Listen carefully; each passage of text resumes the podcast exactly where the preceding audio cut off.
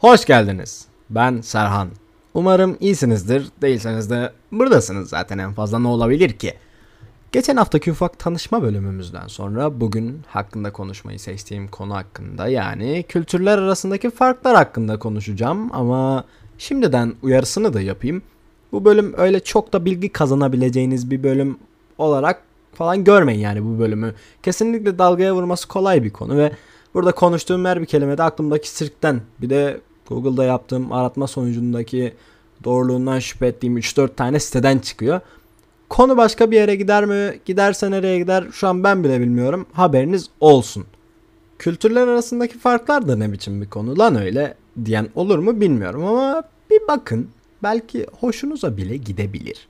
Şimdi öncelikle 7 tane kıta var biliyorsunuz. Avrupa, Asya, Afrika, Kuzey Amerika, Güney Amerika, Avustralya, Antarktika orası buzul falan pek keşfedilmedi. Neyse geçin bunları. Bunları derinleştirirsek ise tamı tamına 1, 2, 8, 17, 23, 30, 31 yani demem o ki çok tane de ülke var.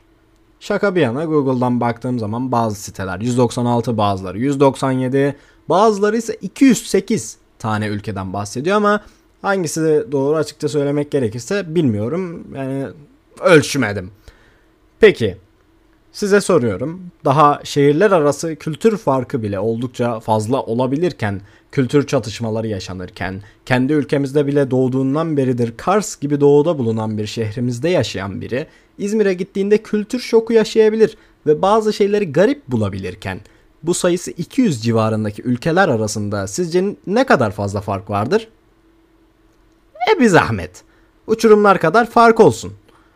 Mesela yemek, dil, din, edebiyat, yaşam tarzı, yaşam tarzına bağlı olaraktan yaşam süresi, e, bakış açısı, eğlence anlayışı, hatta ve hatta selamlaşmada bile kültürlere göre çok fazla fark var. Yani elbet yemek kültürünün, dilin, dinin ve bakış açısının farklı olduğunu sizler de biliyorsunuzdur ama misal ben Yeni Zelanda'dan Maori'den bir örnek vereyim size. Adamların Hongi isminde bir selamlaşma şekilleri var. Ve bunu yaparken de neden bilmiyorum gerçekten nedense burunlarını ve alınlarını birbirine bastırıyorlarmış. Hayır bir kere sosyal mesafeye aykırı bu ne yapıyorsunuz abi siz? Veya veya veya işte yerli halk Suudi Arabistan'da burunlarını tokuşturarak selamlaşıyorlarmış. Yani şimdi hayal gücünüzü biraz konuşturayım ne dersiniz? Şimdi sizden ricam iki tane dayı hayal etmeniz. Böyle 45, 50, 60'a varabilir yaşlar.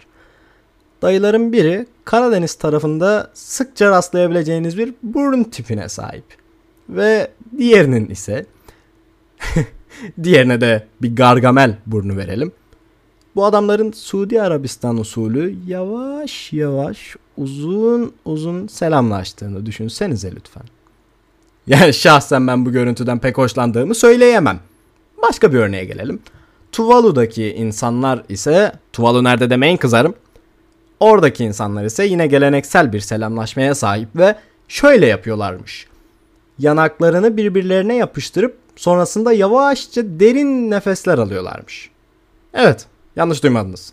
Tıpkı abaza dayıların kadınlara yaklaşma şekli gibi değil mi böyle? diye arkadan gelen hani o dayılar var ya. Yani bana da öyle geldi biraz. Neyse bu kadar garip örnek yeterli şimdi. Japonların selamlaşmasına hemen hemen herkes hakimdir zaten sanırım. Filmlerden görmüşüzdür sağda solda. Çıkan ibretlik Japonya yapımı kısa filmlerde işte o kısa film tadında videolar falan var veya hani var ya şu bir amca küçücük bir kıza daha o 3 yaşındayken falan bir çeyreklik veriyor da kız büyüyüp doktor olup kendisine para veren amcayı kurtarıyor. O videolar işte. Yani ben bugüne kadar görmeyen ne gördüm ne duydum. Ha eğer bilmiyorsanız Yine bahsedeyim biraz. Ellerini kaldırıyorlar. Avuç içlerini birleştirerek öne eğilirken namaste diyorlar Japonya'daki insanlar. Bu kadar. Diğer bildiğinizi düşündüğüm selam şekilleri ise kafa tokuşturmak, yumruk tokuşturmak, el sıkışmak ve elbette hiçbiriyle uğraşmadan sadece merhaba demek. Yani sadece şunu yapsanıza merhaba. Ne kadar kolay değil mi? Neyse sırf şu selamlaşma işini kaç dakika konuştum yani. Birkaç farktan daha bahsedeceğim size. İlginizi çektiyse zaten bölüm bittikten sonra gidip kendiniz de detaylıca araştıracaksınızdır. Şu an aradaki ilginizi çekmediyse daha da nasıl ilginizi çekerim bilmiyorum. Yani size Gargamel ve Temel Reis'in burun tokuşturarak selamlaştığını bile düşündürttüm. Daha ne yapayım? Edebiyata değinmek istiyorum şimdi de. Ülkelerin coğrafi konumunun bile ki coğrafi konum kültürün oluşmasında en önemli baş etkenlerden biri. Bunu da biliyorsunuzdur herhalde. Yazarın yazılarına etki ettiklerini daha önce duymamış olabilirsiniz. Ama şu an vereceğim örnekle daha iyi anlayacaksınız. Daha önce hiç Rus edebiyatından bir şeyler okudunuz mu? Yani Dostoyevski, Tolstoy, Çehov. Eğer cevabınız evet ise sanıyorum ki aklınızdan ulan ne bu karamsarlık yine efkara boğdun bizi ve tarzı düşünceler geçirmiş olabilirsiniz. Peki neden? Yani bu adamlar sabahtan akşama Selahattin Özdemir, Azer Bülbül falan mı dinliyorlardı? Onların zamanında bu kişiler yoktu. Gerçi olsaydı bile o kadar zevk sahibi olduklarından ve dinleyeceklerinden şüpheliyim. Asıl sebep kültürleri ve elbette demin de söylediğim gibi kültürlerinin oluşmasındaki en büyük etkenlerden biri olan coğrafi konumları. O karanlık havada ve elbette o karamsarlığın içerisinde yetişmiş insanların foşur foşur mutluluk saçmaları zaten beklenemez. Ama keşke bu kadar da okurken içimiz kararmasa değil mi ya? Diğer bir kültürler arası farka geleyim. Yaşam tarzına dayalı olaraktan yaşam süresi. Dünyanın en uzun yaşam süresi ortalamasına sahip ülkesinin Japonya olduğunu duymuş olmanız mümkün. Ama maalesef yanlış duymuşsunuz. Çünkü en uzun yaşam süresi ortalamasına sahip olan ülke 2021'de en son 2021'de yapıldığını buldum. Araştırmalara göre 84.4 yıllık oranı ile Liechtenstein ve ardından da 84 yıllık oranı ile İsviçre Liechtenstein'i kovalıyor. Bakın Japonya da ortalıkta yok. En düşük ülkeyi soracak olursanız da Afrika kıtasının güneyinde yer alan Lesotho var ve ortalaması 2019'da edilen verilere göre bunun 2021 senesini bulamadım. Muhtemelen veri verebilecek kadar uzun yaşamamış olabilirler. 54 yıl. Yine iki ülkenin de istatistiksel olarak kıyaslanacağında aynı senenin verilerinin seçilmesi daha verimli olacağından ben yine size 2019 Liechtenstein verilerine göre de yaşam süresini söyleyeyim ki bu da 83 yıl. Peki bu adamların farkı ne de biri 83-84 yıl yaşarken diğeri daha 54-55 yaşında öte tarafı boyluyor. Afrika'nın güney kesiminde bulunan bu Lesotho'da bir kere insanların %40 civarında bir kesimi yoksulluk sınırının altında yaşıyorlar. Çoğu alan dağlık. Günden güne gittikçe yaşadıkları saha çölleşiyor ve burada yaşayan insanların büyük bir oranının geçim kaynağının tarım ve hayvancılık olduğunu da hesaba katarsak bu insanlar ne yapsın? Ağızlarını dağ mı versinler? E burada hiç mi iyi bir şey yok diyeceksiniz. E güzel bir şey de söyleyeyim. Lesotho'da aynı zamanda Afrika'nın en büyük kayak merkezi var. Eğer internete okunduğu gibi Afriski yazarsanız çıkar. Okunuşu yazılışıyla aynı. E başka ne var güzel derseniz insanları deyip aradan çekilmek istiyorum.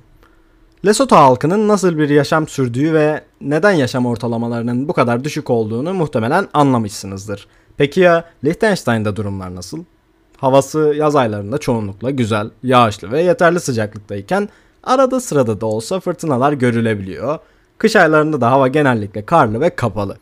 Liechtenstein'da 14 senelik bir zorunlu eğitim sistemi var ama ne hikmetse %4 oranında kişi başına düşen üretim ve %100 miktarında okur yazar oranına sahipler. Demek ki eğitim öğretim sistemleri işe yarıyor ve bizimki gibi kötü bir sistemin kurbanı değiller. Halkın ortalama geliri oldukça yüksek. Hatta çalışanlara verilen maaşın çoğu Avrupa ülkesine nazaran yüksek olduğunu söyleyebilirim. Halkın yaşam kalitesini sırf buradan bile az çok anlayabilirsiniz. Durum böyle olunca bu insanlar da tabii ki de bu kadar uzun yaşarlar. Neyse, dünyada bu kadar güzel ülke yöneten hükümetler ve refah seviyesi yüksek halklar varken bir bunlardan bahsedip sonra biri onların haline bir de bizim halimize bakıp moral bozmaya hiç gerek yok. Bahsetmek istediğim son kültürler arası fark konusuna geçmek istiyorum ve kendisi kültürlerin farklı eğlence anlayışlarının olmasının ta kendisi. Şimdi eğlencenin yaşa göre dağılımı var. Misal 60 yaşı geçmiş bir dedenin partilere akmasını, bir gece hayatı olmasını düşünmeniz biraz zor. Yani benim dedemin var gerçi ama o türünün son ihtişamlı örneklerinden diyelim. Ben çok o yaş işine girmek ve daha fazla konuşup da başınızı şişirmek istemiyorum. O yüzden olabildiğince genel eğlenme biçimlerinden bahsedeceğim. Misal bizler genelde ne yapıyoruz işte bayramda seyranda? Şeker dağıtılır. Boncuklu tabancayla çocuklar sokakta koşuşturur. Oynar, eğlenir. Arkadan annesi işte Hadi Abdülaziz öte gitme arabanın altında kalacağım vallahi ya. Bir kere de bir söz dinle bir ya. diye bağırır. Sonra işte efendime söyleyeyim mangal yakarız. Akrabalar bir araya gelir. Aile toplanır. Mangal yakılır. Top oynayan kuzenler mi dersiniz? Yeni doğan bebeği sevenler mi? Yoksa elinde telefonla akrabaların peşinde şaklabanlık için koşanlar mı dersiniz? Hepsi var. Tabii ben kendi adıma konuşuyorum. Benim yaşadığım şehirde, benim gördüğüm aile yapısında işler böyle. Bir de gidip yurt dışına bakalım hadi. Adamlar Cadılar Bayramı diye bir şey çıkartmışlar tabii eskiden şimdiki gibi Hey Carl gel Jennifer'i korkutalım. deyip dolaba saklanıp da Be kaptın mı Jennifer? İyiyim ağzıma geldi James. diye işlemiyormuş. Alakası da yokmuş aslında. Adamlar aslında Ekim ayının sonları, Kasım ayının da başları gibi eski evlerini ziyarete gelen ruhlara inandıkları için ruhların kendilerini tanımaması ve herhangi bir temasa girmemek adına maskeler takıp kostümler giyiyorlarmış. Hani kostüm dediysem de aklınıza örümcek adam kostümü falan gelmesin. Çünkü bu bahsettiğim gelenek ta bin küsür sene önce yapılan bir gelenek. Neyse Cadılar Bayramı'nın tarihçesinden konumuza dönüp eğlence biçimi olarak ele alacak olursak ise az çok televizyonlarda görmüşsünüzdür. Kapı kapı dolanıp Şeker mi şaka mı? diye soran çocuklardan tutun yaratıcı kostümlere, korkunç ev süslemelerinden tutun bu adeta korkuyla donatılmış evlerde tüyler ürperten oyunlara, içi boşaltılıp yüzüne pişkin bir gülüş eklenen bal kabağından tutun neredeyse her Cadılar Bayramı'nda sinemalara gelen o Michael Myers filmlerine ve daha birçoğu. Neyse eminim ki daha bahsedilebilecek çok şey vardır ama saat oldukça geç oldu ve eğer anlattıklarım ilginizi az da olsa çektiyse devamını kendiniz araştırmanız bence daha iyi olacaktır.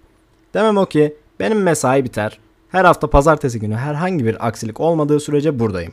Şikayetleriniz, sorularınız ve önerileriniz için tabii eğer varsa podcast'in açıklamalar kısmına e-postamı bırakıyorum. Benimle iletişime geçebilirsiniz. İnsanlara kendinize nasıl davranılmasını istiyorsanız öyle, kendinize de iyi davranın. Görüşmek üzere.